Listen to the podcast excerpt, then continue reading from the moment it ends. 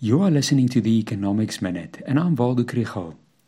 To talk about yesterday's GDP numbers, the best place to start is to remind everyone that in 2020, the COVID 19 pandemic and lockdown caused the economy to shrink by 6.4%.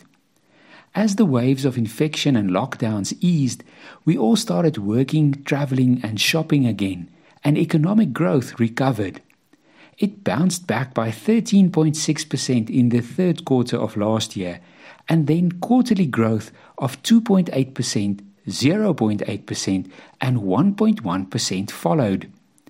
In the third quarter of 2021, this recovery experienced a setback due to widespread civil unrest in KwaZulu-Natal and Gauteng, as well as a cyber attack on South African ports. At the same time, we experienced the end of the third wave of the COVID pandemic, and South Africa was on alert level 4 lockdown from the end of June to the end of July.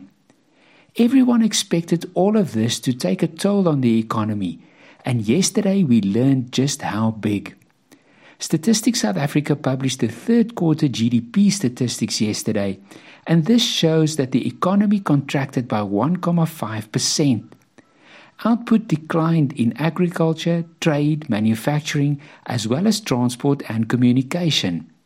Household consumption spending decreased by 2.4% and exports by 5.9%.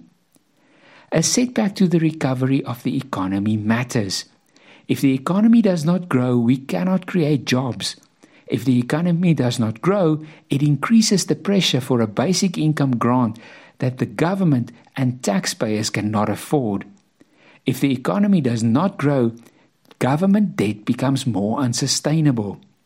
It all matters because it affects all of our livelihoods.